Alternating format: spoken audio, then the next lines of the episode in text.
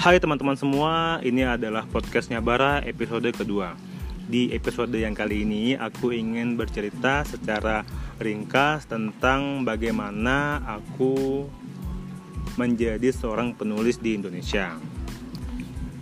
Dulu ketika aku kecil, aku senang membaca buku. Buku yang paling aku suka adalah novel Harry Potter dan Batu Bertuah. Itu adalah buku pertama dari serial Harry Potter yang ditulis oleh Ibu Joan Kathleen Rowling.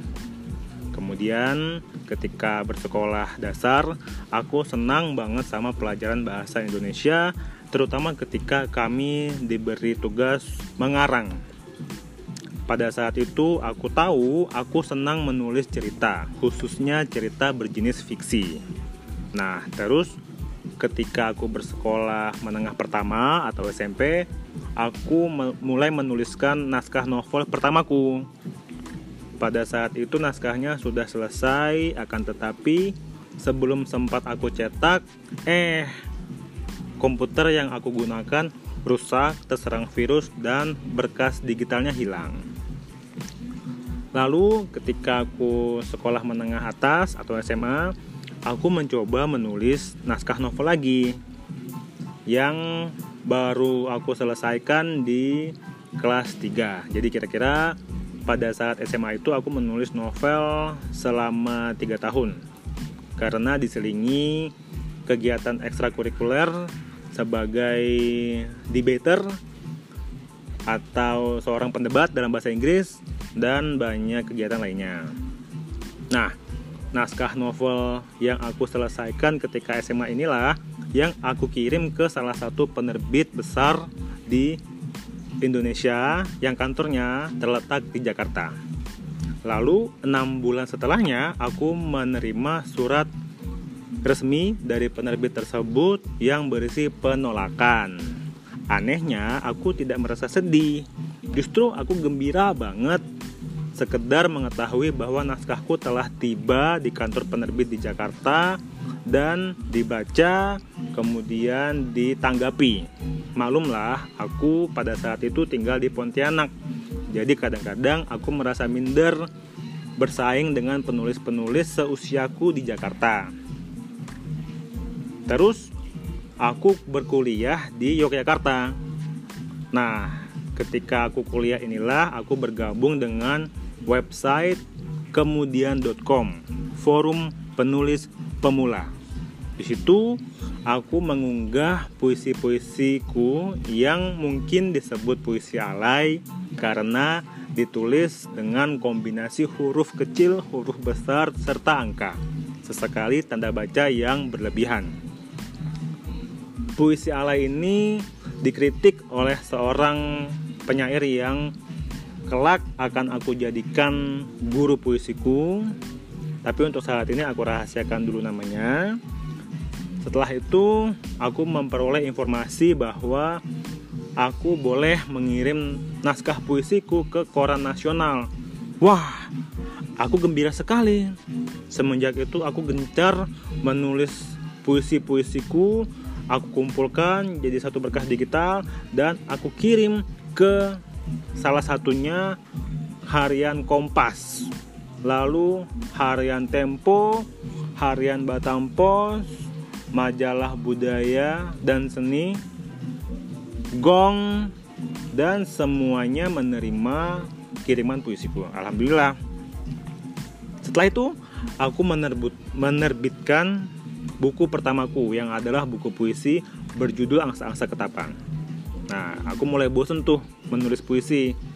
Lalu aku menulis cerita pendek, aku kirimkan pula dan dimuat di harian Suara Merdeka yang berkantor di Semarang. Kalau aku nggak salah ingat ya. Terus aku main Twitter dong.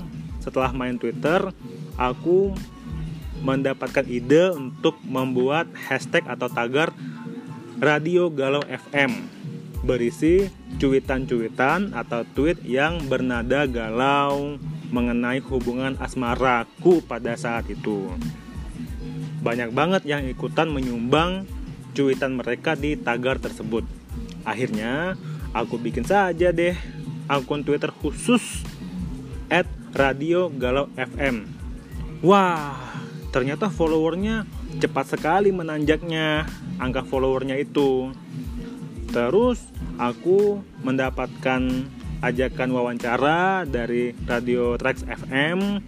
Setelah itu followernya semakin bertambah, semakin bertambah hingga suatu hari aku mendapatkan email atau surat elektronik dari Jakarta. Dari salah satu penerbit besar pula yang berbeda dari penerbit yang tadi itu menolak naskahku yang isinya memintaku membuat buku berdasarkan konten Twitter Radio Galau FM. Aku girang banget dong.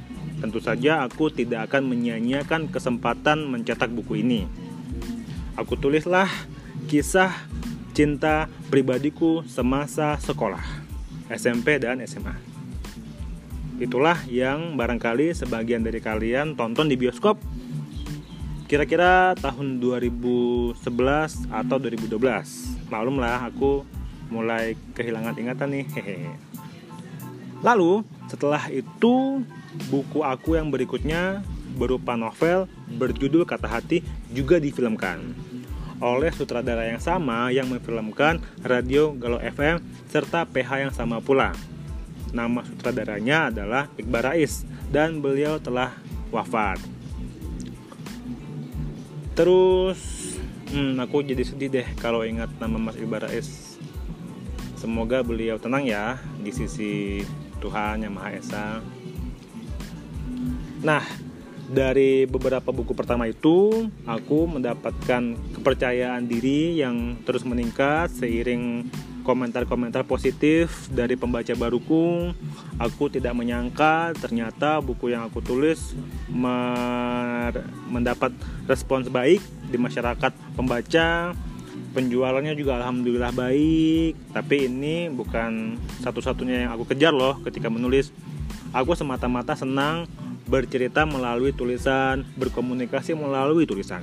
Itulah yang membuat aku menjadi penulis sejak tahun 2007 barangkali ya hingga sekarang itu berarti sudah sekitar hmm, 12 tahun ya benar gak sih hitunganku ya aku kira benar cukup lama loh itu sebagai sebuah profesi aku pernah pula bekerja sebagai editor namun akhirnya aku kembali ke jalan penulis Lalu aku menerbitkan buku-buku yang berikutnya termasuk novel Asal Kau Bahagia yang idenya berasal dari video klip serta lagu band Armada. Itu difilmkan juga loh oleh Falcon Pictures. Kalau yang tadi itu film Radio Galau FM dan Kata Hati oleh rumah produksi bernama Rapi Film. Keduanya berada di Jakarta. Aku saat ini tinggal di Yogyakarta dan masih terus menulis. Novelku yang paling baru berjudul Espresso. Kalian harus beli dan baca ya. Hehe. Nanti foto terus tag aku deh. Komentar-komentar kalian. Mungkin segitu dulu ya cerita tentang bagaimana sih Bernard Batubara dapat menjadi penulis kalau ada hal-hal yang lebih rinci dan yang pengen kalian ketahui, kalian kasih tahu aja aku melalui direct message di Instagram atau email benzbara@gmail.com. Aku aja ya, b e n z b a r a at gmail.com. Sudah deh.